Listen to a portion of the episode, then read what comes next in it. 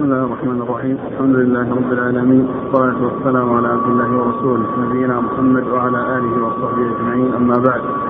قال الإمام الحافظ أبو عيسى الترمذي رحمه الله تعالى قال في جامعه باب ما جاء في الطيرة. قال حدثنا محمد بن بشار. قال حدثنا عبد الرحمن بن مهدي. قال حدثنا سفيان عن سلمة بن كهيل عن عيسى بن عاصم عن زر عن عبد الله بن مسعود رضي الله عنه أنه قال قال رسول الله صلى الله عليه وعلى آله وسلم الطيرة من الشرك وما منا ولكن الله يذهبه بالتوكل. قال أبو عيسى وفي الباب عن أبي هريرة وحابس بن التميمي وعائشة وابن عمر وسعد رضي الله عنهم.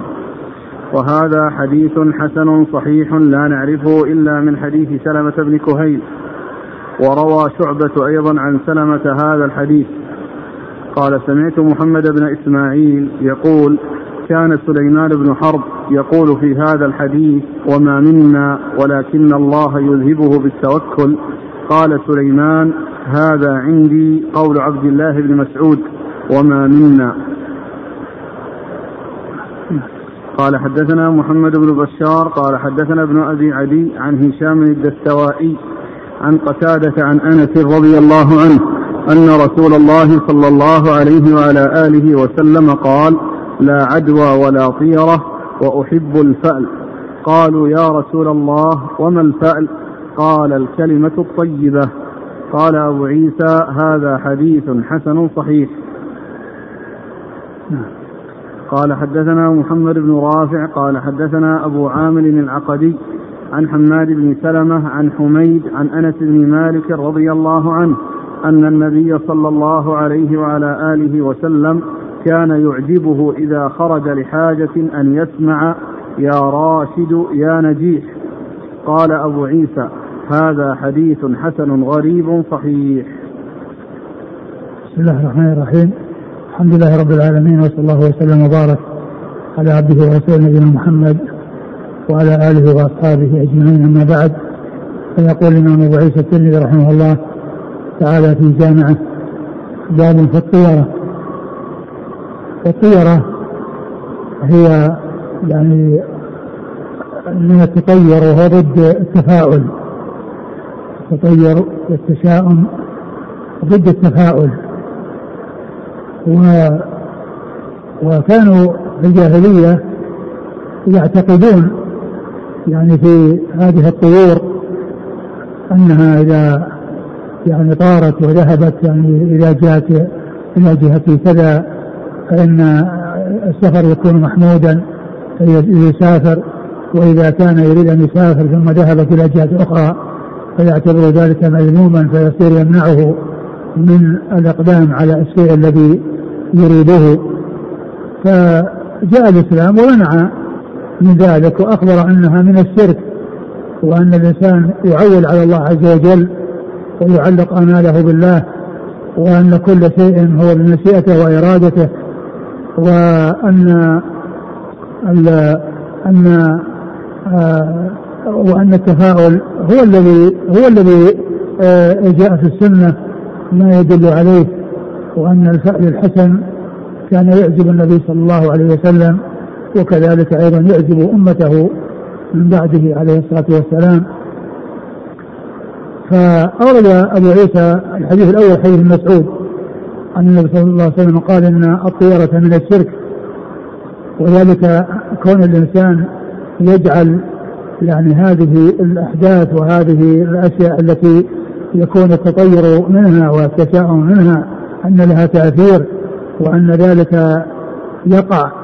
يعني من هذه الأشياء فهذا من أعمال الجاهلية وإنما آه كل شيء هو بيد الله عز وجل.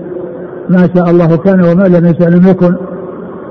و ولكن الفعل وهو وجود الكلمة الطيبة أو سماع الكلمة الطيبة هذا مما تنشرح له النفس وتميل إليه النفس. ولهذا النبي صلى الله عليه وسلم في صلح الحديبية لما يعني أقبل سهيل بن عمرو لأنه قال سهل أمرنا. يعني سهل أمرنا يعني أخذه من اسمه الذي هو سهيل يعني السهولة يعني واليسر.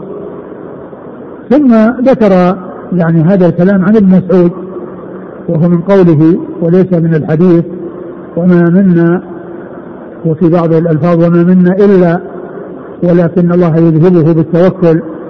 والضمير في يذهبه يرجع إلى شيء محذوف. يرجع إلى شيء محذوف. وهو أنه يعني الشيء الذي آه، آه، قد ينقدح في ذهن الإنسان يعني هذه الأشياء المكروهة. لكن الله عز وجل آه، يذهبه عن الإنسان بتفويضه الأمر الله عز وجل وأن توكل على الله عز وجل ولا يثنيه عن السفر أو الأمر الذي يقدم عليه أي شيء. يعني يعتبره يعني تشاؤم أو يعتبره تطير فلا يثنيه ولا يرده عن الشيء الذي يريده كما كان يحصل من الجاهلية في الجاهلية. لكن كون آه كونه آه يقابله يعني شيء مكروه أو شيء آه مما كان في الجاهلية يتشاءمون به وهو لا يتشاءم ولكن آه يكره يعني هذا الشيء الذي كان يتشاءم به ولكنه لا يصده ولا يرده ولا يمنعه عن الشيء الذي آه، أراده ويفوض الأمر إلى الله عز وجل ويتوكل على الله سبحانه وتعالى. هذا هو شأن رسول الله صلى الله عليه وسلم. فيعجبه الفأل والطيرة. جاء التحذير منها وبيان أنها أنها من الشرك. وثم ذكر بعد ذلك الحديث الثاني الذي قال لا عدوى ولا طيرة. لا عدوى ولا طيرة. و نعم وأحب الفعل لا عدوى ولا طيرة وأحب الفعل لأن الإنسان يعني لا يحصل منه التطير ولا يحصل منه اعتقاد. يعني حصول العدوى بمجرد الاختلاط اختلاط المريض بالصحيح فإن الكل بمشيئة الله وإن كان يعني آه المرض معديا إلا أن كونه معديا جعله الله سبب من الأسباب. والله عز وجل هو مسبب الأسباب ولا يقع شيء إلا بمشيئته وإرادته. وإذا شاء أن ينتقل المرض انتقل وإذا شاء أن يحصل الاختلاط ولكن لا يحصل انتقال فإن ذلك يتم ويحصل. فإن ذلك يتم ويحصل. ولهذا جاء في الحديث من أعدى الأول؟ إذا كان كل واحد يعني جاءه من غيره وأن الانتقال يعني يحصل من مريض إلى إلى إلى صحيح الأول الذي أصابه المرض من أعداه؟ هو من الله عز وجل هو الذي أمرضه وهو الذي قدر له ذلك الشيء ووقع. فإن كون آه، آه، وجود الأسباب أو وجود آه، حصول السبب يعني يحصل معه المسبب ليس بلازم. إذا شاء الله أن يحصل حصل وإذا شاء أن لا يحصل لم يحصل. ولهذا جاء في القدر الحديث حديث أبي هريرة في مسلم المؤمن القوي خير وأحب إلى الله من الضعيف وفي كل خير. احرص على ما ينفعك واستعن بالله. ولا تعجز. احرص على ما ينفعك يعني خذ الأسباب. ولكن الأسباب لا يعني أنها كل شيء وأنها إذا وجدت لابد وأن يوجد المسبب فإن ذلك كله يرجع إلى إلى إلى مشيئة الله وإرادته.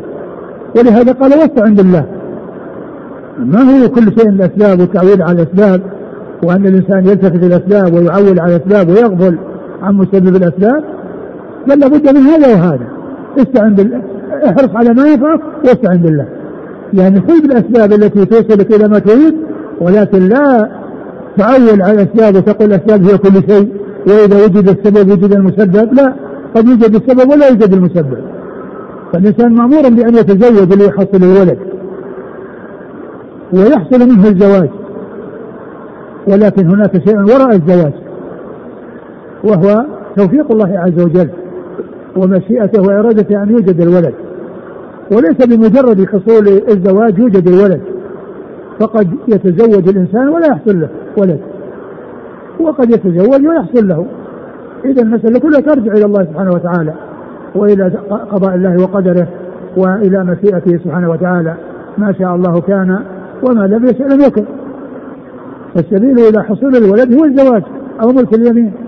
ولا طريق إلى تحصيله إلا هذا. لكن ليس مجرد حصول السبب يحصل معه المسبب بل هناك شيء وراء ذلك لا بد منه وهو التعويل على الله والتوكل على الله سبحانه وتعالى. لا عدوى ولا طيرة. يعني أن أن أن أن, أن, العدوى يعني لا تحصل بمجرد الاختلاط وبمجرد الالتقاء بين المريض والصحيح وإنما تحصل بشيء آخر وراء ذلك وهو مشيئة الله عز وجل. إذا شاء أن يوجد العدوى وجدت وإذا شاء أن لا توجد اختلط المريض بالصحيح ولم ينتقل المرض إلى الصحيح. ولهذا قال عليه الصلاة والسلام من أعدى الأول؟ الذي حصل له المرض أول مرة هو من الله عز وجل ما حصل أنه أعداه شيء. فكذلك هذا الذي آه يختلط بالمريض بالصحيح لا يلزم أنه بمجرد الاختلاط. فإذا النفي عن أشياء كانوا يعتقدونها وهي أن مجرد حصول الاختلاط أنه توجد معه العدوى. توجد معه العدوى لهذا قال من أعدى الأول؟ مبينا أن أن الأمر كله يرجع إلى مشيئة الله سبحانه وتعالى وإرادته فلا عدوى ولا طيرة يعني نفي لوجود العدوى والطيرة وهو أيضا نفي لوجود العدوى والطيرة وهو أيضا نفي عن آه، يعني كون الإنسان يتطير وكونه يعتقد أنه بمجرد الاختلاط تكون آه، تكون العدوى بين الصحيح والمريض ثم الحديث الثالث حديث أنس. وأحب نعم. وأحب الفعل وأحب الفعل وأحب الفعل والفعل هي الكلمة الطيبة يعني آه، يسمعها الإنسان فينشرح صدره إليها ويستأنس بها. ف ومنه المثل الذي ذكرت المثال الذي ذكرت لما قال سهل أمرنا لما جاء سهيل بن عمرو قال عليه السلام سهل أمرنا. يعني أن اسمه سهيل وهو يشعر بالسهولة وقد تم ذلك وحصل الاتفاق مع هذا الرجل الذي هو سهيل بن عمرو. حصل اتفاق يعني على الصلح يوم الحديبية بين رسول الله صلى الله عليه وسلم وبين سهيل بن عمرو الذي أسلم فيما بعد وحسن إسلامه رضي الله تعالى عنه وأرضاه لما فتحت مكة. وهو الذي ذكر أنه لما ارتد من ارتد قال يعني يخاطب أهل مكة لا تكونوا آخر من أول من آخر من أسلم وأول من ارتد. والله لا ينصرن الله هذا الدين ولا ينصرن الله هذا الدين. فحسن حسن أسلم وحسن إسلامه رضي الله تعالى عنه وأرضاه. وهو الذي كان النبي صلى الله عليه وسلم يطلب منه أن يرسل له من ماء زمزم. كان يرسل له من ماء زمزم. آه. ثم بعد ذلك الحديث الآخر حيث أنس النبي كان إذا خرج يعجبه أن يسمع يا راشد يا نجيح يسمع مثل هذه الكلمة لأن الراشد من الرشد والنجيح من النجاح يعني فهو من الفعل ومن الكلام الذي يستأنس به ويفرح به. قال حدثنا محمد بن بشار. محمد بن بشار الملقب بن دار وهو ثقة أخرجه أصحاب الكتب الستة. عن عبد الرحمن بن مهدي عبد الرحمن بن مهدي ثقة أخرجه أصحاب الكتب الستة. عن سفيان سفيان الثوري ثقة أخرجه أصحاب الكتب الستة. عن سلمة بن كهيل وهو ثقة أخرجه أصحاب الكتب الستة. عن عيسى بن عاصم وهو ثقة أخرجه البخاري في الأدب المفرد وأبو داود والترمذي وابن ماجه. نعم. عن زر عن زر بن حبيش وهو ثقة أخرج له أصحاب الكتب الستة. عن عبد الله بن مسعود الهذلي رضي الله عنه أخرج له أصحاب الكتب الستة. قال وفي الباب عن أبي هريرة. أبو هريرة عبد الرحمن بن صخر الدوسي. وهو أكثر الصحابة حديثا. وحابس التميمي. أخرج له. قال في المفرد والترمذي. نعم. وعائشة. وعائشة أم المؤمنين رضي الله عنها الصديقة بنت الصديق. وهي ممن أكثر الرواية عن رسول الله صلى الله عليه وسلم وابن عمر وابن عمر عبد الله بن عمر أحد العبادلة وأحد السبع المكثرين من حديث رسول الله صلى الله عليه وسلم وسعد وسعد بن أبي وقاص أحد العشرة المبشرين بالجنة أخرج له أصحاب الكتب الستة. وروى شعبة أيضا عن سلمة هذا الحديث. شعبة بن الحجاج الواسطي وهو ثقة أخرجه أصحاب الكتب الستة. قال سمعت محمد بن إسماعيل يقول كان سليمان بن حرب يقول في هذا الحديث وما منا ولكن الله يذهب بالتوكل. قال سليمان هذا عندي قول عبد الله بن مسعود وما منا. يعني إنه مدرج ليس من كلام الرسول صلى الله عليه وسلم. يعني لأنه لا يمكن أن يقع من النبي صلى الله عليه نعم وسلم. نعم.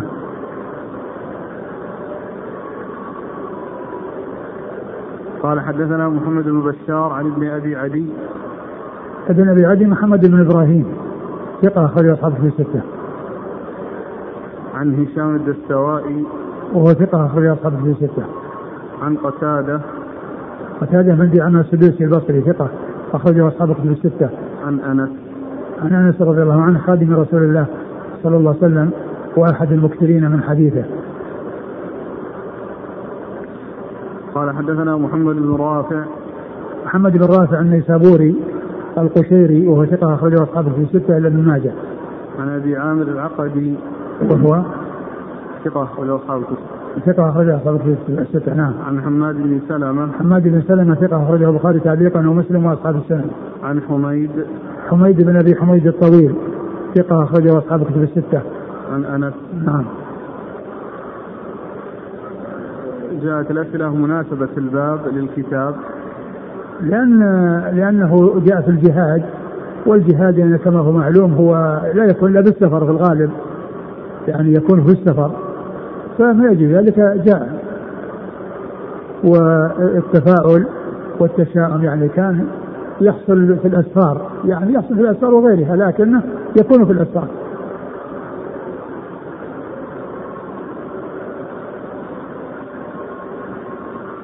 كيف الجمع بين قول لا لا, لا عدوى قول صلى الله عليه وسلم فر من المجذوم فرارك من الأسد؟ نعم فر من المجذوم يعني الإنسان يأخذ بالأسباب التي هي الوقاية وعدم التعرض للأسباب التي جعلها الله اسبابا.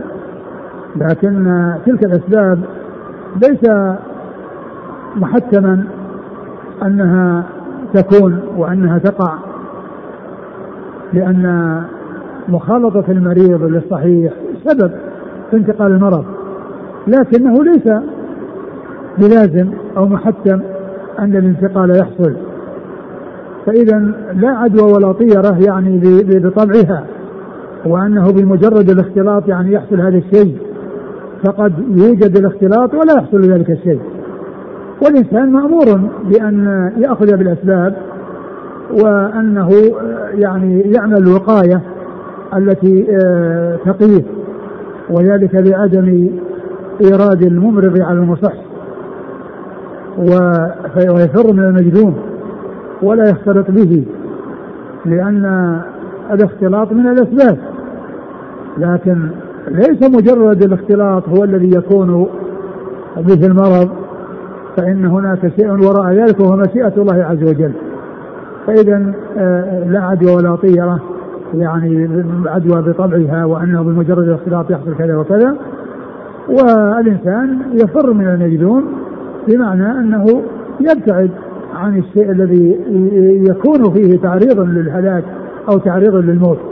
ولهذا الصحابة رضي الله عنهم وأرضاهم لما ذهب عمر إلى الشام ولقوه في الطريق وقد وقع الطاعون هناك فمن أصحاب الرسول صلى الله عليه وسلم من رأى أنه يدخل ويقول أن عدم الدخول فرارا من قدر الله. ومنهم من يقول لا يدخل. ويقول لعمر لا تعرض أصحاب رسول الله صلى الله عليه وسلم للموت. لا تعرضهم لأن هذا من الأسباب التي جعلها الله عز وجل. لكن ليس بلازم أن مجرد المخالطة يكون معها المرض لكن هذا سبب من الأسباب. فلا تعرض أصحاب رسول الله صلى الله عليه وسلم للموت. وعمر رضي الله عنه وأرضاه رأى باجتهاده قبل أن يعلم الدليل عن رسول الله صلى الله عليه وسلم أنه يرجع. ولما قيل له تفر من قدر الله؟ قال نفر من قدر الله إلى قدر الله لأن كل شيء بقدر الله. يقدامنا بقدر الله ويحجامنا بقدر الله. ما شاء الله كان وما لم يشاء لم يكن. ثم بعد ذلك تبين أن السنة في ذلك يعني ثابتة عن رسول الله صلى الله عليه وسلم. وذلك بالحديث الذي رواه عبد الرحمن بن عوف رضي الله عنه وحدثهم بالحديث فصار اجتهاد عمر رضي الله عنه قبل أن يعلم بالدليل مطابقا للدليل الذي جاء عن رسول الله صلى الله عليه وسلم. ما توجيه قوله صلى الله عليه وسلم؟ الشؤم في ثلاثة المرأة والفرس والدار. يعني هذا بعض أهل العلم تكلم فيه وقال أن هذا من الأمور التي فيها الملازمة. والإنسان يعني كونه يلازم يعني هذه الأشياء ثم يحصل له يعني شيء من المشاكل أو شيء من الأمور التي تطيب إليه نفسه قد يعني يتعلق يعني في باله يعني هذا الشيء. فجاء أن الشؤم يكون في هذه الثلاث وأن الإنسان إذا يعني حصل له يعني آه، شيء وتكرر ويعني وقع في نفسه يعني ذلك الشيء فكونه يتخلص يعني من ذلك الذي فيه الملازمة يعني يكون فيه بعده عن يعني تعلق قلبه يعني بشيء ويعني آه، آه، انقداء كونه ينقدح في ذهنه شيء. فجاء في الحديث الشؤم يكون في هذه الثلاث لأنها تكون من الأشياء الملازمة ليست من الأشياء الطارئة التي الناس لا يلتفتون إليها. بل هي ملازمة للإنسان. وكونه يتكرر منه أو يتكرر فيها يعني أمور تسوءه يعني ذلك يؤلمه ويشق عليه وقد يقع في ذهنه أن هذا شيء يعني آه، السلامة منه أولى من البقاء عليه والاستمرار عليه. قوله صلى الله عليه وسلم الطيرة من الشرك. نعم نعم من الشرك أن يكون الإنسان يعتقد أن أن هذه الأشياء مؤثرة وأن تلك الحركات وتلك أنها مؤثرة آه، وينسب التأثير إليها. ومعلوم أن التأثير والنفع والضر كل ذلك من الله سبحانه وتعالى فهو النافع الضار وهو الذي ما شاء كان وما لم يشاء لم يكن. والأمة كلها لو اجتمعت على أن تنفع أحدا بشيء لا يمكن أن يكون ذلك إذا إلا إذا قدره الله عليه ولو اجتمعت على أن تضره لا يمكن أن يكون ذلك إلا إذا كان قدر عليه الأول قدر له والثاني قدر عليه لأن الأخ يسأل يقول متى تكون الطيرة من الشرك الأكبر ومتى تكون من الشرك الأصغر؟ من الشرك الأصغر مجرد الانقداح وأما الشرك الأكبر فهو أن يعتقد ان أن التاثير أنه موجود في هذه الأشياء. يقول أحيانا عندما تفوتني صلاة الفجر في جماعة أترك أعمالا لي كنت أريد أن أعملها خوفا من شؤم المعصية. فهل هذا من التشاؤم المذموم؟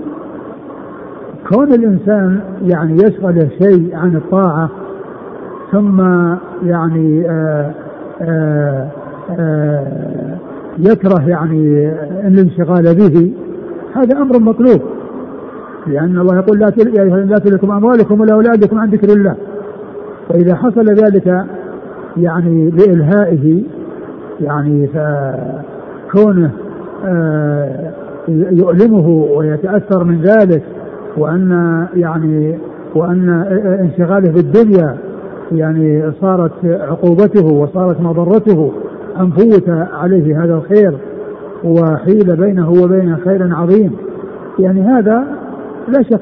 يعني يكون الإنسان يعني آآ آآ آآ يحصل له تأثر بكون شيء منعه أو شيء حال بينه وبين الخير وهو الصلاة وهو انشغال بدنيا أو انشغال بولد أو ما إلى ذلك آه، من غير ضرورة تلجئ إلى التخلف لا شك أن هذا من من الأشياء التي آه، تؤثر على الإنسان وكون الإنسان يعني يعتقد آه، أن ذلك حرمان له بسبب انشغاله بأمر من أمور الدنيا لا شك أن هذه علامة خير.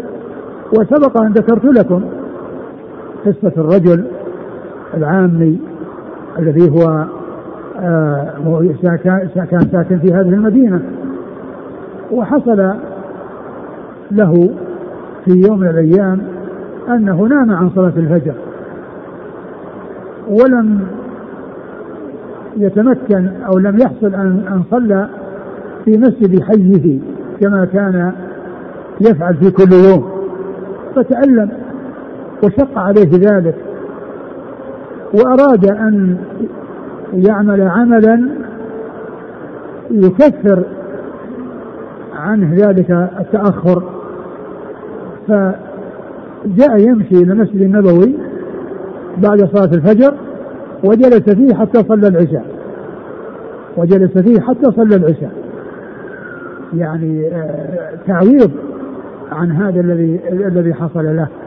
فكون يعني الإنسان يعني قد يشغل شيء من الدنيا ثم يتأثر ويتألم ويعني آه، يعمل يعني شيء في صالحه لا شك أن هذا من الأشياء المطلوبة.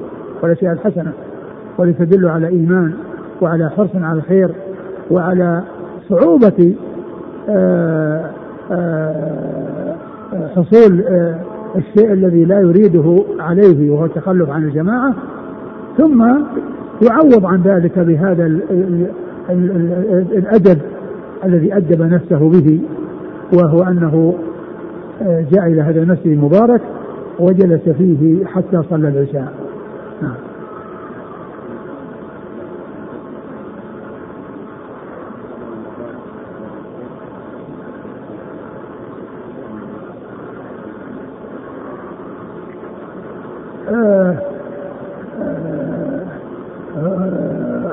يعني مثل هذه المسألة التي معنا التي التي معنا يعني معلوم أن الإنسان إذا كان نايم وهذا نادر أنه معذور.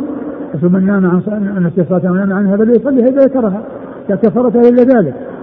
والنوم يعني كونه يحصل للانسان في بعض الأحيان يحصل. وإنما الذي مو طيب كونه يصير عادة أو كونه لا يبالي.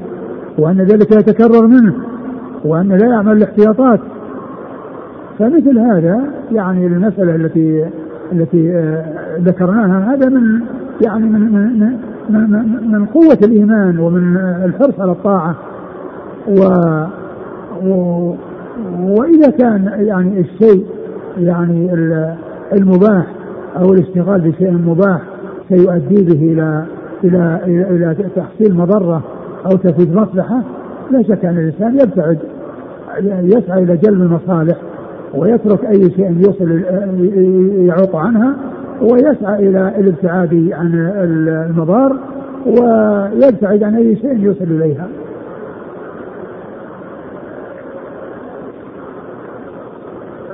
هل هذا حديث أو مقولة؟ ثم أيضا المثال الآخر الذي آه، ذكرته أيضا مع هذا وهو أن أحد الفضلاء يعني في هذه المدينة يعني كان يعظ الناس ويذكر الناس ويبين أن الإقبال على الطاعة والابتعاد عن الكسل والخمول فيها أن هذا هو شأن الصالحين وهو شأن المتقين وكان له ولد واحد ليس له سواه.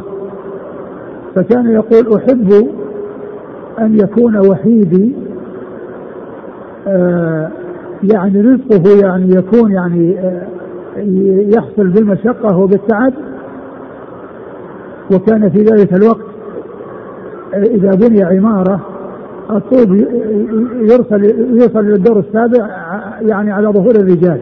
ما فيها الرافعات التي توصل بدون آه، هذه الكلفة وبدون هذه المشقة. فيقول أحب أن يكون يعني رزق وحيدي يعني يحصل بهذه المشقة. ولكن إذا سمع حي على الصلاة حي على الفلاح ترك يعني ذلك الشيء الذي هو منشغل به وأقبل على طاعة الله عز وجل. نعم. أقول يسأل الإخوة عن هذا الحديث أو مقولة تفاءلوا بالخير تجدوه. لا أعرف عن هذا الشيء. هذا نقل عن شيخ الإسلام ابن تيمية من مجموع الفتاوى قال رحمه الله وأما الطيرة بأن يكون قد فعل أمرا متوكلا على الله أو يعزم عليه فيسمع كلمة مكروهة مثل ما يسم أو ما يفلح ونحو ذلك فيتطير ويترك الأمر فهذا منهي عنه. وهذا نقل عن أحد شراح إما الشيخ عبد الرحمن بن حسن أو صاحب التيسير العزيز الحميد قال الفرق بين الفأل المشروع والفأل الممنوع. أما الفأل الذي كان يحبه النبي صلى الله عليه وسلم فيه نوع بشارة فيسر به أو فيسر به العبد أو يسر به العبد. ولا يعتمد عليه بخلاف ما يمضيه أو يرده فإن للقلب عليه نوع اعتماد. فافهم الفرق. صحيح. السؤال الأخير هل من الفأل أن يقال في شهر صفر صفر الخير؟ آه آه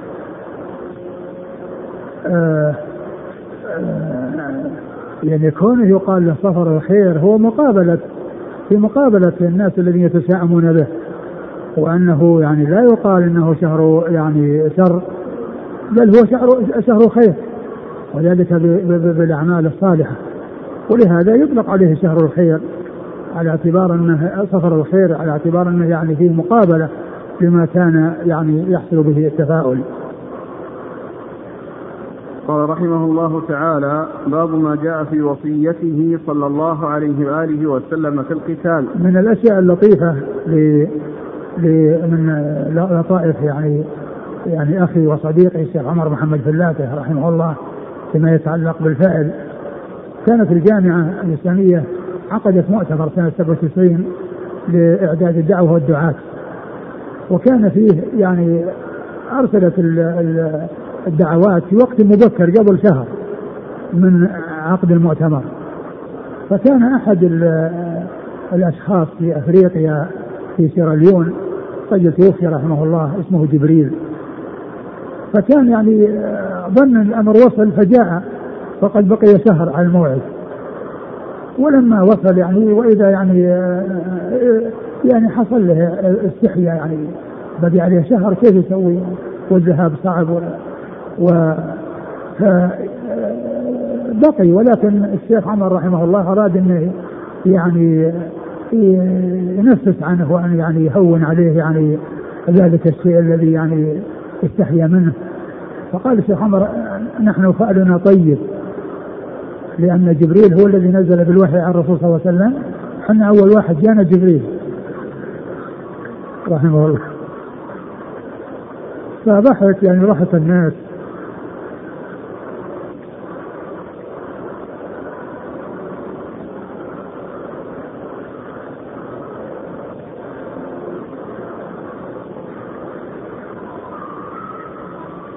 قال رحمه الله تعالى باب ما جاء في وصيته صلى الله عليه واله وسلم في القتال. قال حدثنا محمد بن بشار قال حدثنا عبد الرحمن بن مهدي عن سفيان عن علقمة بن مرثد عن سليمان بن بريدة عن أبيه رضي الله عنه أنه قال كان رسول الله صلى الله عليه وعلى آله وسلم إذا بعث أميرا على جيش أوصاه في خاصة نفسه بتقوى الله ومن معه من المسلمين خيرا وقال اغزوا بسم الله وفي سبيل الله قاتلوا من كفر بالله ولا تغلوا ولا تغدروا ولا تمثلوا ولا تقتلوا وليدا.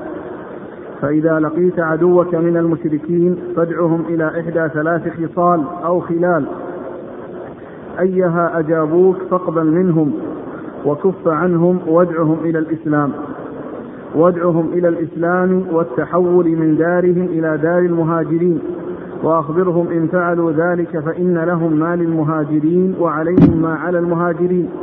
وإن أبوا أن يتحولوا فأخبرهم أنهم يكونوا كأعراب المسلمين. يجري عليهم ما يجري على الأعراب. ليس لهم في الغنيمة والفيء شيء إلا أن يجاهدوا. فإن أبوا فاستعن بالله عليهم وقاتلهم. وإذا حاصرت حصنا فأرادوك أن تجعل لهم ذمة الله وذمة نبيه فلا تجعل لهم ذمة الله ولا ذمة نبيه. واجعل لهم ذمتك وذمم أصحابك لأنكم إن تخفروا ذمتكم وذمم أصحابكم خير من أن تخفروا ذمة الله وذمة رسوله. وإذا حاصرت أهل حصن فأرادوك أن تنزلهم على حكم الله فلا تنزلوهم. ولكن أنزلهم على حكمك فإنك لا تدري أتصيب حكم الله فيهم أم لا أو نحو هذا. قال أبو عيسى وفي الباب عن النعمان بن مقرن رضي الله عنه وحديث بريدة حديث حسن صحيح. قال حدثنا محمد بن بشار قال حدثنا أبو أحمد عن سفيان عن علقمة بن مرثد نحوه بمعناه وزاد فيه فإن أبوا فخذ منهم الجزية. فإن أبوا فاستعن بالله عليهم. قال أبو عيسى هكذا رواه وكيع وغير واحد عن سفيان وروى غير محمد بن بشار عن عبد الرحمن بن مهدي وذكر فيه أمر الجزية. ثم ذكر أبو عيسى رحمه الله باب في الوصية. وصية باب في وصيته صلى الله عليه وسلم في القتال. باب في وصيته صلى الله عليه وسلم في القتال. آه يعني وصيته لمن يذهب للقتال ومن آه يعني يحصل منه آه الذهاب للقتال.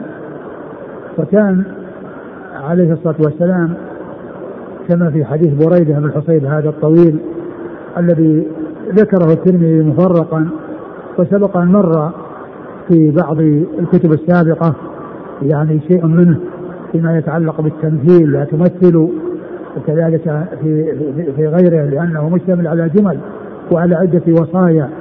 فذكر بعض أجزائه يعني في بعض الكتب اختصارا وذكره مطولا هنا في ختام هذا الكتاب الذي هو كتاب السير عن رسول الله صلى الله عليه وسلم.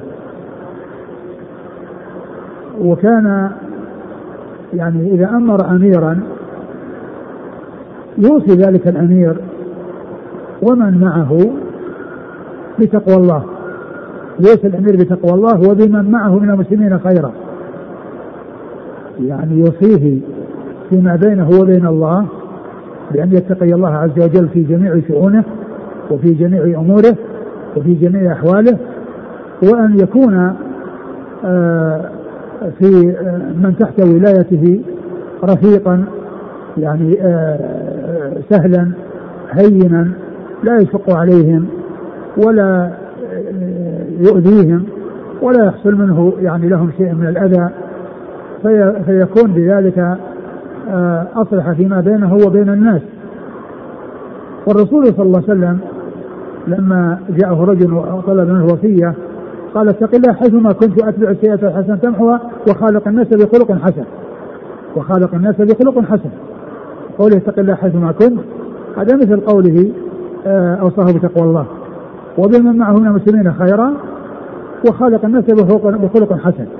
وخالق الناس بخلق حسن. فهو يوصيه بأن يتقي الله في جميع أموره وأن يعامل الناس الذين معه وتحت إمرته وتحت ولايته معاملة طيبة.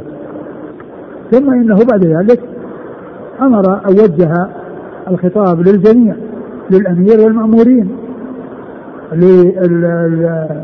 للرئيس والمرؤوس لأهل الجهاد.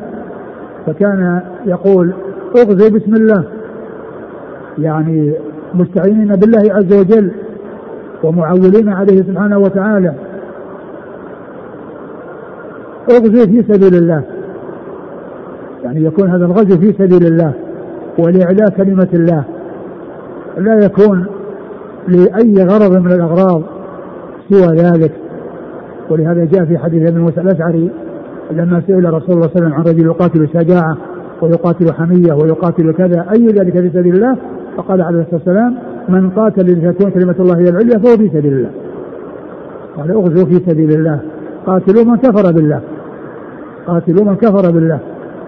يعني أن سبب القتال هو الكفر وكونهم كفار. والمقصود من قتالهم أن يخرجوا من الظلمات إلى النور وأن يدخلوا في هذا الدين. ولا يحتاجون إلى القتال بل يستسلمون وينقادون لما يعود عليهم بالخير والعاقبة الحميدة في الدنيا والآخرة. ثم قال اغزوا ولا ولا ولا قال اغزوا بسم الله في سبيل الله. قاتلوا من كفر بالله. ولا تغلوا. ولا تغلوا. يعني الذي هو من الغلول وهو الاخذ من الغنيمة قبل قسمتها لأن هذا غلول. وقد مر باب خاص في الغلول. نعم.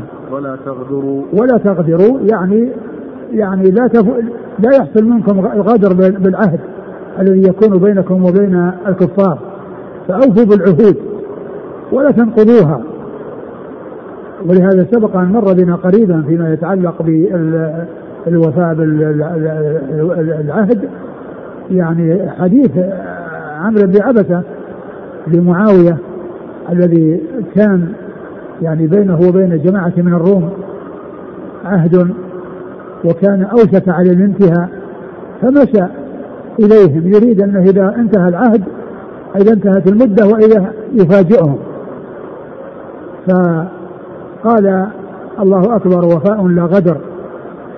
ثم ذكر الحديث فرجع معاوية رضي الله عنه وأرضاه وترك ذلك الشيء الذي كان آه، فعله وهذا يبين ما كان عليه أصحاب الرسول صلى الله عليه وسلم من الانصياع إلى التقيد والالتزام بالأحكام الشرعية والأخذ بالأدلة عندما تبلغهم عن رسول الله صلى الله عليه وسلم وأنهم لا يتأخرون عن الأخذ بها والتعويل عليها إذا بلغتهم عن رسول الله صلى الله عليه وسلم. ولا تمثلوا ولا تمثلوا يعني يحصل منكم التمثيل يعني بهم وذلك بقطع الأيدي أو الأرجل أو الآذان أو الأنوف أو ما إلى ذلك. نعم. ولا تقتلوا وليدا. ولا تقتلوا وليدا الذي هو الأطفال الصبيان فإنهم لا يقتلون. إلا إذا يعني كانوا من المقاتلين وكانوا لم يبلغوا الحلم ولكنهم يعني آه، شاركوا في القتال وحملوا السلاح فإنهم يقتلون. لكونهم قاتلوا. وأما إذا لم يقاتلوا فإن الأصل هو تحريم قتلهم لأنهم ليسوا من أهل القتال. وهم ممن آه، يسلون ويستفاد منهم في, في, في الرق نعم. فإذا لقيت عدوك من المشركين فادعهم إلى إحدى ثلاث خصال أو خلال. أيها أجابوك؟ يعني هذا شك من الراوي خصال أو خلال. يعني المقصود شيء واحد وإنه شك من الراوي. نعم فإنهم أجابوك. أيها أجابوك فاقبل منهم وكف عنهم وادعهم إلى الإسلام والتحول من دارهم إلى دار المهاجرين. وأخبر نعم. وأخبرهم إن فعلوا ذلك فإن لهم ما للمهاجرين وعليهم ما على المهاجرين. نعم. وإن أبوا أن يتحولوا فأخبرهم أنهم يكونوا كأعراب المسلمين. يجري عليهم ما يجري على الأعراب ليس لهم في الغنيمة والفيء شيء إلا أن يجاهدوا. نعم فإن أبوا فاستعن بالله عليهم وقاتلهم. يعني هذه هي ثلاث الخلال. يعني يدعوهم إلى الإسلام أولا فإذا أسلموا يدعوهم إلى الهجرة والانتقال إلى المدينة يعني يقوى بهم الإسلام أهل الإسلام وليستعان بهم في الجهاد في سبيل الله. فإن يعني أبوا الهجرة وإنما أرادوا أن يبقوا في ديارهم وفي قراهم وفي بواديهم فأخبرهم بأنهم يعني يكونون كأعراب المسلمين. يعني تجري عليهم أحكام الإسلام ولكن ليس لهم من الغنيمة والفي شيء إلا أن يقاتلوا مع المسلمين. لأن المقاتلة ومشاركة المسلمين في الجهاد في سبيل الله هي التي تقتضي أن يحصلوا آه، آه، ثمرات الغنائم وثمرات الفيء نعم. وإذا حاصرت حصنا فأرادوك أن تجعل لهم لا ثم فإن فإن أبوا فاستعن بالله وقاتلهم. فإن أبوا نعم. فاستعن بالله وقاتلهم وهذه المرحلة الأخيرة. نعم. وإذا حاصرت حصنا فأرادوك أن تجعل لهم ذمة الله وذمة نبيه. فلا تجعل لهم ذمة الله ولا ذمة نبيه واجعل لهم ذمتك وذمم أصحابك لأنكم إن تخفروا ذمتكم وذمم أصحابكم خير من أن تخفروا ذمة رسوله يعني إذا حصرت حصنا وامتنع عليك ذلك الحصن وأراد أهله أن آه، يعني يكون بينك وبينهم عهد فهذا العهد لا يكون يعني آه، مضافا إلى الله عز وجل أو إلى الرسول وإنه عهد الله وعهد الرسول. وإنما عهدك أنت يعني أنت الذي آه، تلتزم لهم بهذا الشيء وأن يكون العهد بينك وبينهم لأنك إذا آه، إذا أخذت إذا أخذ العهد بينك وبينهم ثم حصل اخلال في هذا العهد يكون احقار لما حصل منكم.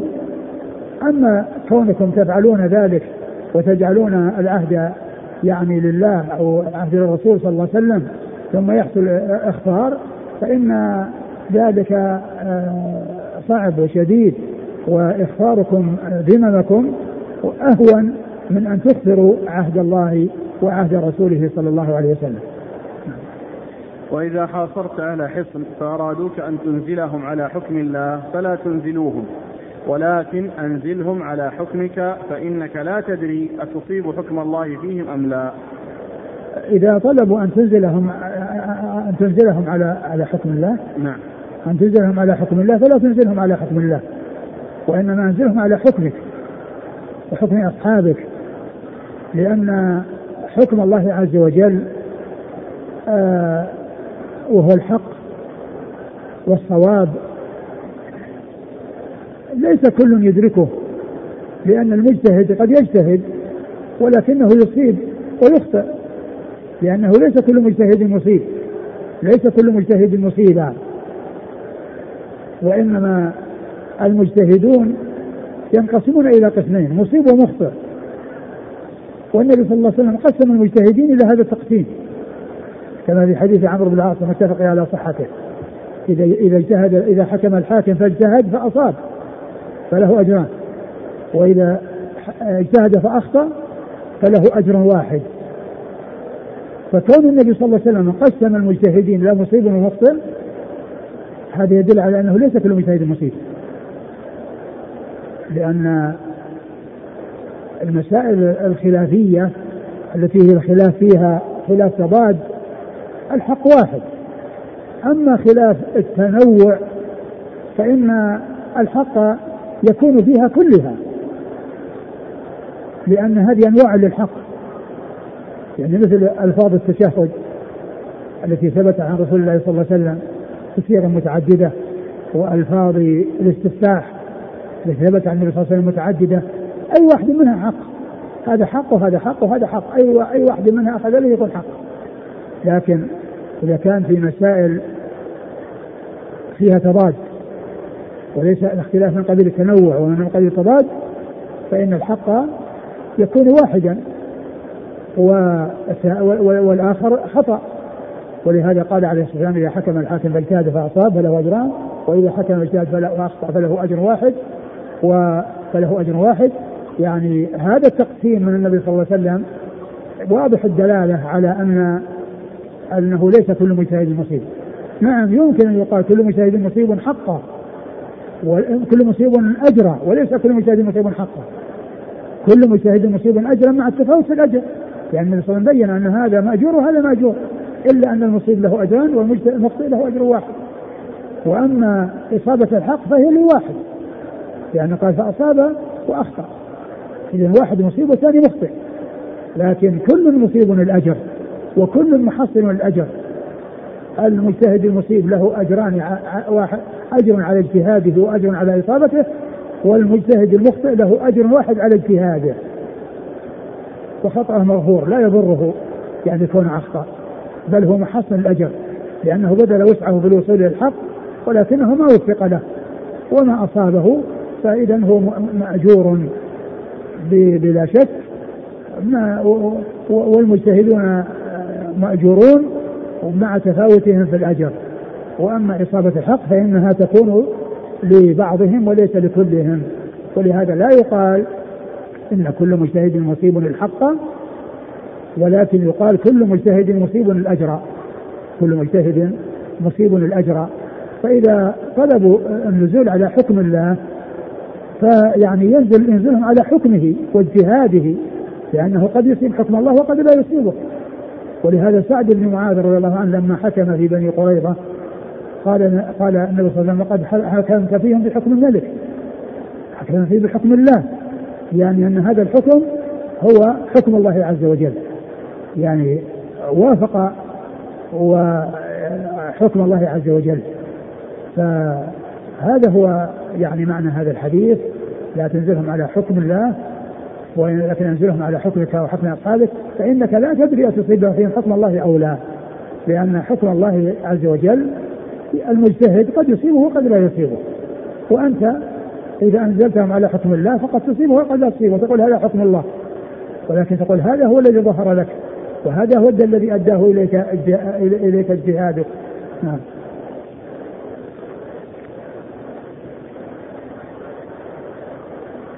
أو زاد في الرواية الثانية. نعم. فإن أبوا فخذ منهم الجزية. فإن أبوا فاستعن بالله عليهم. فإن أبوا فخذ منهم الجزية. يعني وهي أن يبقوا أن يبقوا تحت حكم المسلمين و يعني آه، يرون أحكام المسلمين ويرون المعاملة الطيبة للإسلام لأهل الإسلام الذين ينفذون أحكام أحكام الإسلام. ويكون ذلك من أسباب قد يكون ذلك من أسباب آه، دخولهم في الإسلام وأسباب يعني سلامتهم من القتل فكونهم آه، يرضون بأن يعطوا الجزية وأن يدخلوا تحت حكم المسلمين يعني تجري عليهم أحكام المسلمين ويشاهدون أعمال المسلمين ويشاهدون يعني ويعرفون أحكام الإسلام وتطبيق المسلمين لها فإن ذلك من أسباب دخولهم في الإسلام لأن المقصود من الجهاد هو إعلاء كلمة الله عز وجل. فإذا حصل بالدخول من أول وهلة فهذا هو المطلوب. وإذا ما حصل وأعطوا الجزية ودخلوا تحت حكم الإسلام فإن هذا من أسباب دخولهم في الإسلام. ولهذا آه، آه، في أخذهم أخذ الجزية منهم وبقائهم من أسباب كونهم آه، يشاهدون ويعاينون الأحكام الشرعية وأحكام الإسلام العادلة التي فيها الخير والبركة وفيها سعادة الدنيا وسعادة الآخرة فيكون ذلك سببا في إسلامهم. وإن أبوا يقاتلهم. نعم. قال حدثنا محمد بن بشار عن عبد الرحمن بن وهذا الحديث حديث برده بن الحصين شرحه ابن القيم في كتابه أحكام أهل الذمة. يعني شرح فيه شرحه في كتابه أحكام أهل الذمة. نعم. حدثنا. محمد بن بشار عن ابن مهدي عن سفيان. سفيان كل هؤلاء مر ذكرهم. عن علقمة بن مرثد. علقمة بن مرثد ثقة أخرج له أصحاب الكتب. نعم. نعم. عن سليمان بن بريدة. عن سليمان بن بريدة أخرج له ثقة أخرجه مسلم وأصحاب السنن عن أبيه عن أبيه بريدة بن الحصيب الأسلمي رضي الله عنه أخرج له أصحاب الكتب الستة. قال أبو عيسى وفي الباب عن نعمان بن مقرن. نعمان بن مقرن رضي الله عنه أخرج له أصحاب الكتب الستة. قال حدثنا محمد بن بشار عن أبي أحمد. أبي أحمد محمد بن عبد الله الزبيري وهو ثقة أخرجه أصحاب الكتب الستة. عن سفيان عن علقمة بن مرثد نحوه. قال نعم. أبو عيسى هكذا رواه وكيع. وكيع بن الجراح الرؤاسي الكوفي ثقة أخرجه أصحاب الكتب الستة. قال آه، وذكر فيه أمر الجزية. هذا دليل أن الجزية تؤخذ حتى من مشرك العرب؟ بعض بعض أهل العلم قال هذا. بعض أهل العلم قال هذا أنه يعني أنه يقصد ومنهم من قال إن هذا إنما هو لغزو أهل الكتاب. وقيل لهم مشركون وأطلق عليهم أنهم مشركين لأنهم من جملة المشركين لأنهم مشركون. لأنهم كفار. يعني يقولون الله ثالث ثلاثة ويعبدون مع الله غيره. ولكن لكونهم ينتمون إلى دين ولكونهم ينتسبون إلى نبي من الأنبياء ودين جاء من عند الله عز وجل صار لهم معاملة تختلف عن معاملة غيرهم من الوثنيين الذين هم بعيدون عن الدين ولا ينتمون إلى دين. نعم. قال حدثنا الحسن بن علي الخلال قال حدثنا عفان قال حدثنا حماد بن سلمة قال حدثنا ثابت عن أنس رضي الله عنه أنه قال كان النبي صلى الله عليه وعلى آله وسلم لا يغير إلا عند صلاة الفجر فإن سمع أذانا أمسك وإلا أغار. فاستمع ذات يوم فسمع رجلا يقول الله أكبر الله أكبر. فقال على الفطرة. أشهد أن لا إله إلا الله فقال خرجت من النار. قال الحسن وحدثنا أبو الوليد. قال حدثنا حماد بن سلمة بهذا الإسناد مثله. قال أبو عيسى وهذا حديث حسن صحيح. وهذا إذا كانت بلاد كافرة ويعني ويعني ولا يعني يعلم هل دخلت الإسلام أو أنه حصل منهم الدخول في الإسلام. فإن علامة ذلك الأذان لأن الأذان هو علامة الإسلام وعلامة المسلمين. وأورد حديث الترمذي حديث أنس بن مالك رضي الله عنه أن النبي صلى الله عليه وسلم إذا كان إذا إذا لا يغير إلا عند صلاة الفجر. لا يغير إلا عند صلاة الفجر يعني في الصباح. وقد مر قريبا أنه إذا لم يغر أول النهار يغير بعد الزوال وبعد هبوب الرياح. نعم. فسمع رجلا يقول الله أكبر الله أكبر فقال على الفطرة. ثم قال اشهد ان الله قال خرجت من النار؟ نعم. خرجت من النار. نعم. قال حدثنا الحسن بن علي الخلال. هو الحلواني ثقة أخرجه أصحابه في الستة إلى النسائي. عن عفان. عفان بن مسلم الصفار وهو ثقة أخرجه أصحابه في الستة. عن حماد بن سلمة. حماد بن سلمة ثقة أخرجه البخاري تعليقا ومسلم وأصحاب السنن. عن ثابت. عن ثابت بن أسلم البناني ثقة أخرجه أصحابه في الستة. عن أنس عن أنس رضي الله عنه مر ذكره. قال الحسن وحدثنا أبو الوليد أبو الوليد هو هشام بن عبد الملك آه، الطيالسي وهو ثقة أخرجه أصحابه في الستة. عن حماد بهذا الإسناد مثله نعم.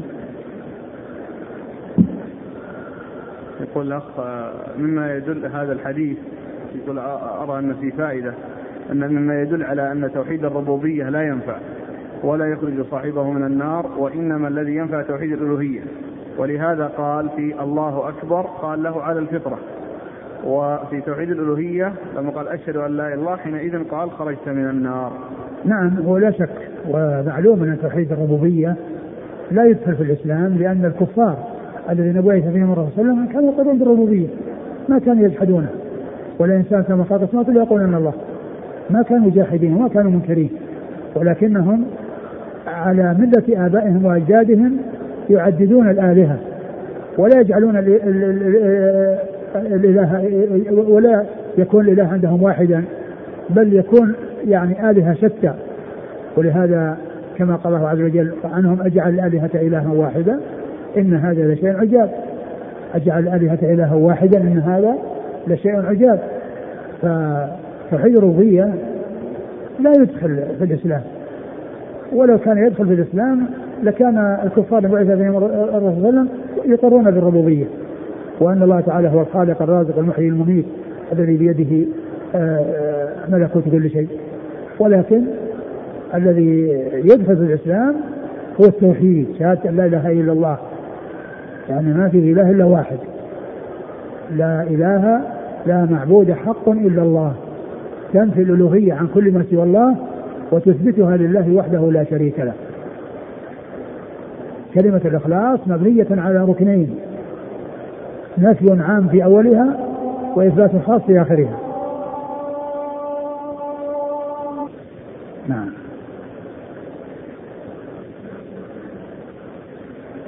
هذا الحديث الأخير حديث أنس. هل فيه دليل على عدم وجوب إجابة المؤذن؟ لأن النبي صلى الله عليه وسلم إنما تكلم بهذه الكلمات لما سمع المؤذن يقول الله قال على الفطرة ثم قال خرجت من النار. ما في شيء ينفي. أقول ما في شيء يدل على عدم الإجابة.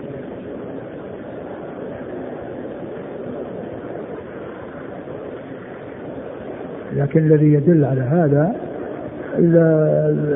الذي جاء عن الصحابة رضي الله عنهم أنهم كانوا إذا دخلوا يوم الجمعة كانوا يصلون ما أرادوا أن يصلوا. فإذا يعني جاء عمر وجلس على المنبر جلسوا يتحدثون يعني يتوقفوا عن الصلاة وصاروا يتحدثون يعني. نعم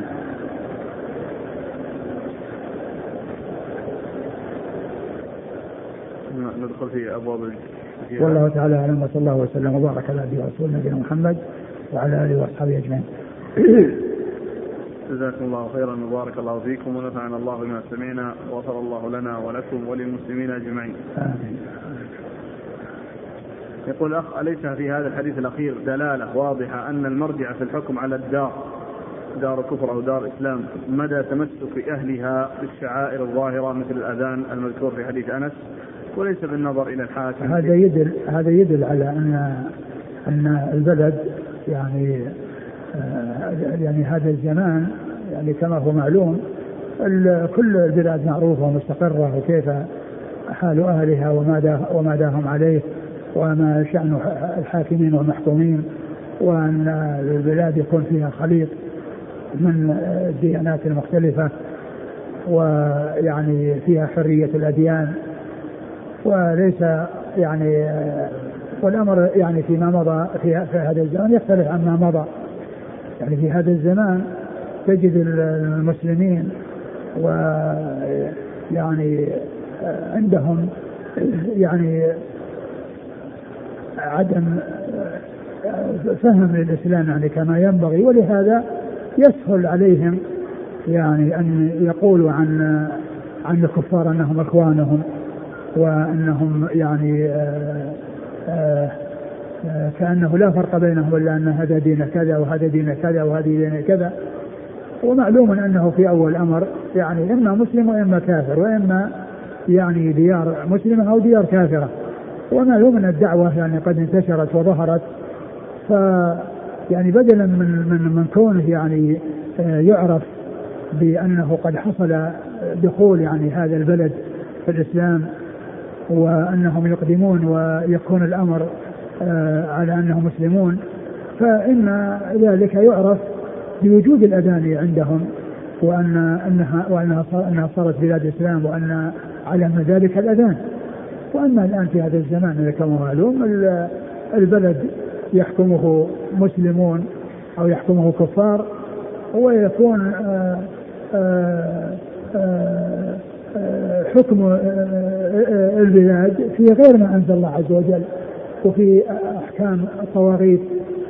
يعني هذا هو ومن الناس أيضا من يكون من المسلمين ويحكمهم بالقوانين الوضعية ويعتقد أنها هي المناسبة لهذا العصر وأن الشريعة لا تناسب هذا العصر وهذا لا شك أنه من أوضح الكفر.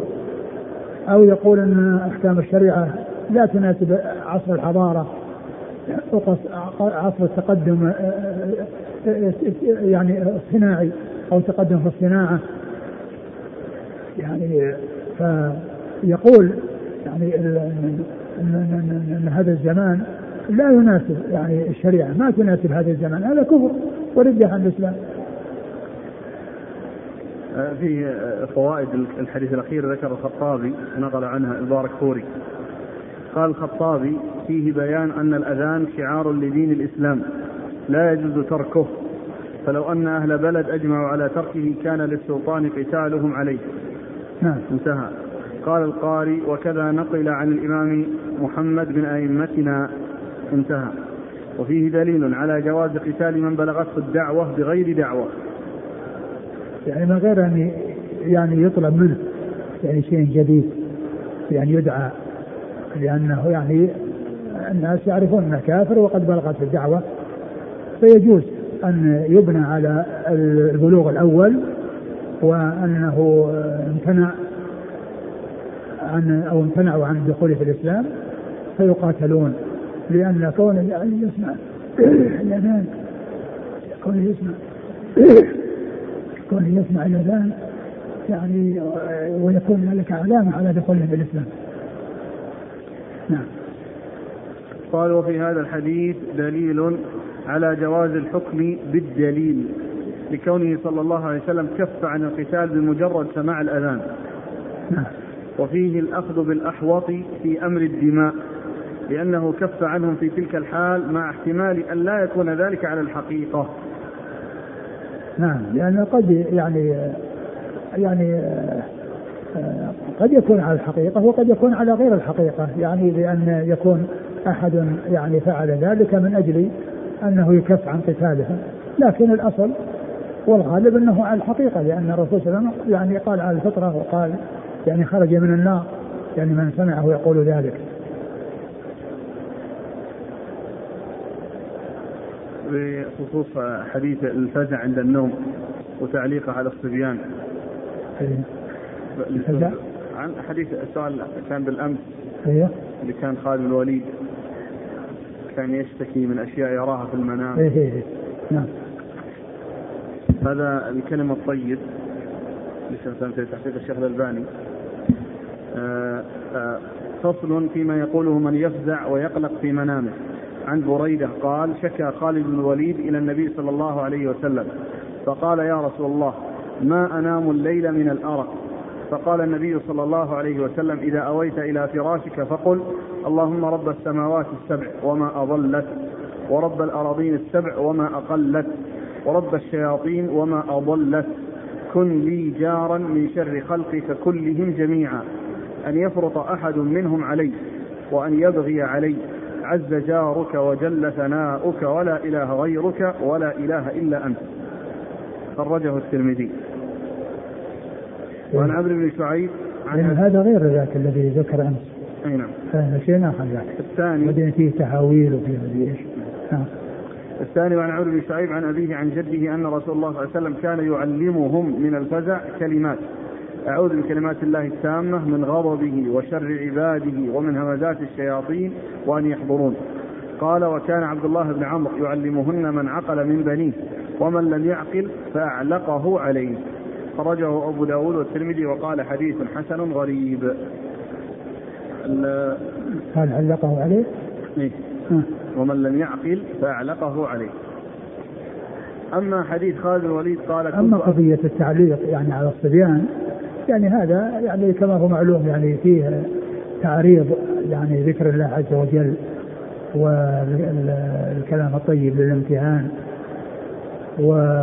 وإنما يعني يفعل كما فعل الرسول يعوذون كما كان يعوذ الحسن والحسين. يعوذهم فيعني الطريقة هي التعويذ نعم.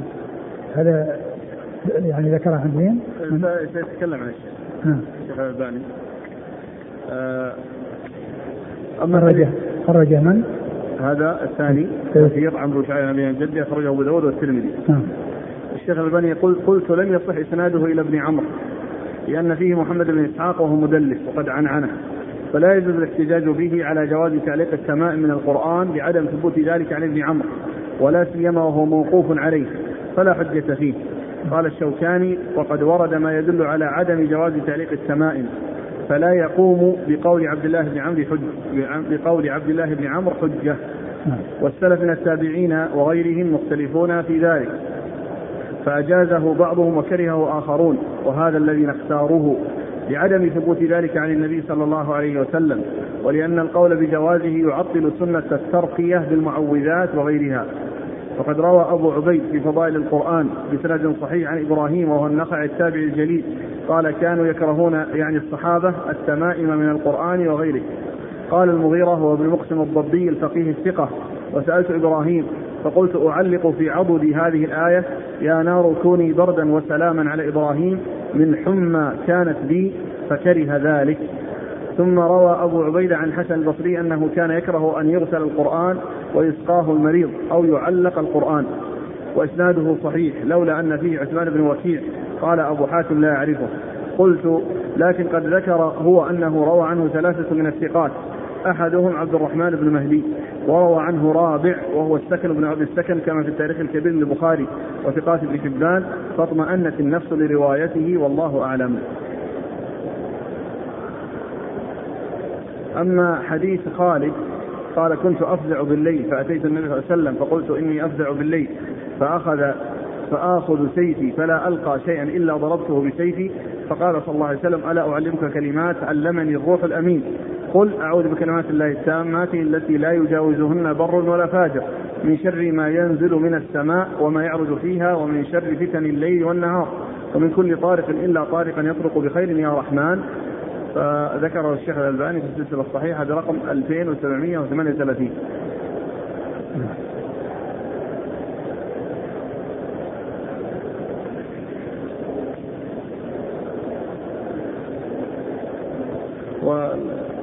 وبعدين الأستاذ الأخير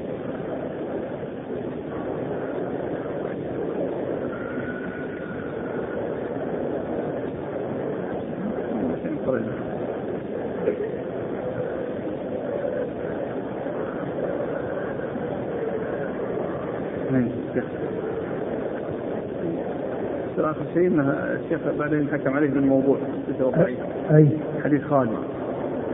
اللي فيه هذا الأخير كأن الشيخ صحح في السلسلة الصحيحة.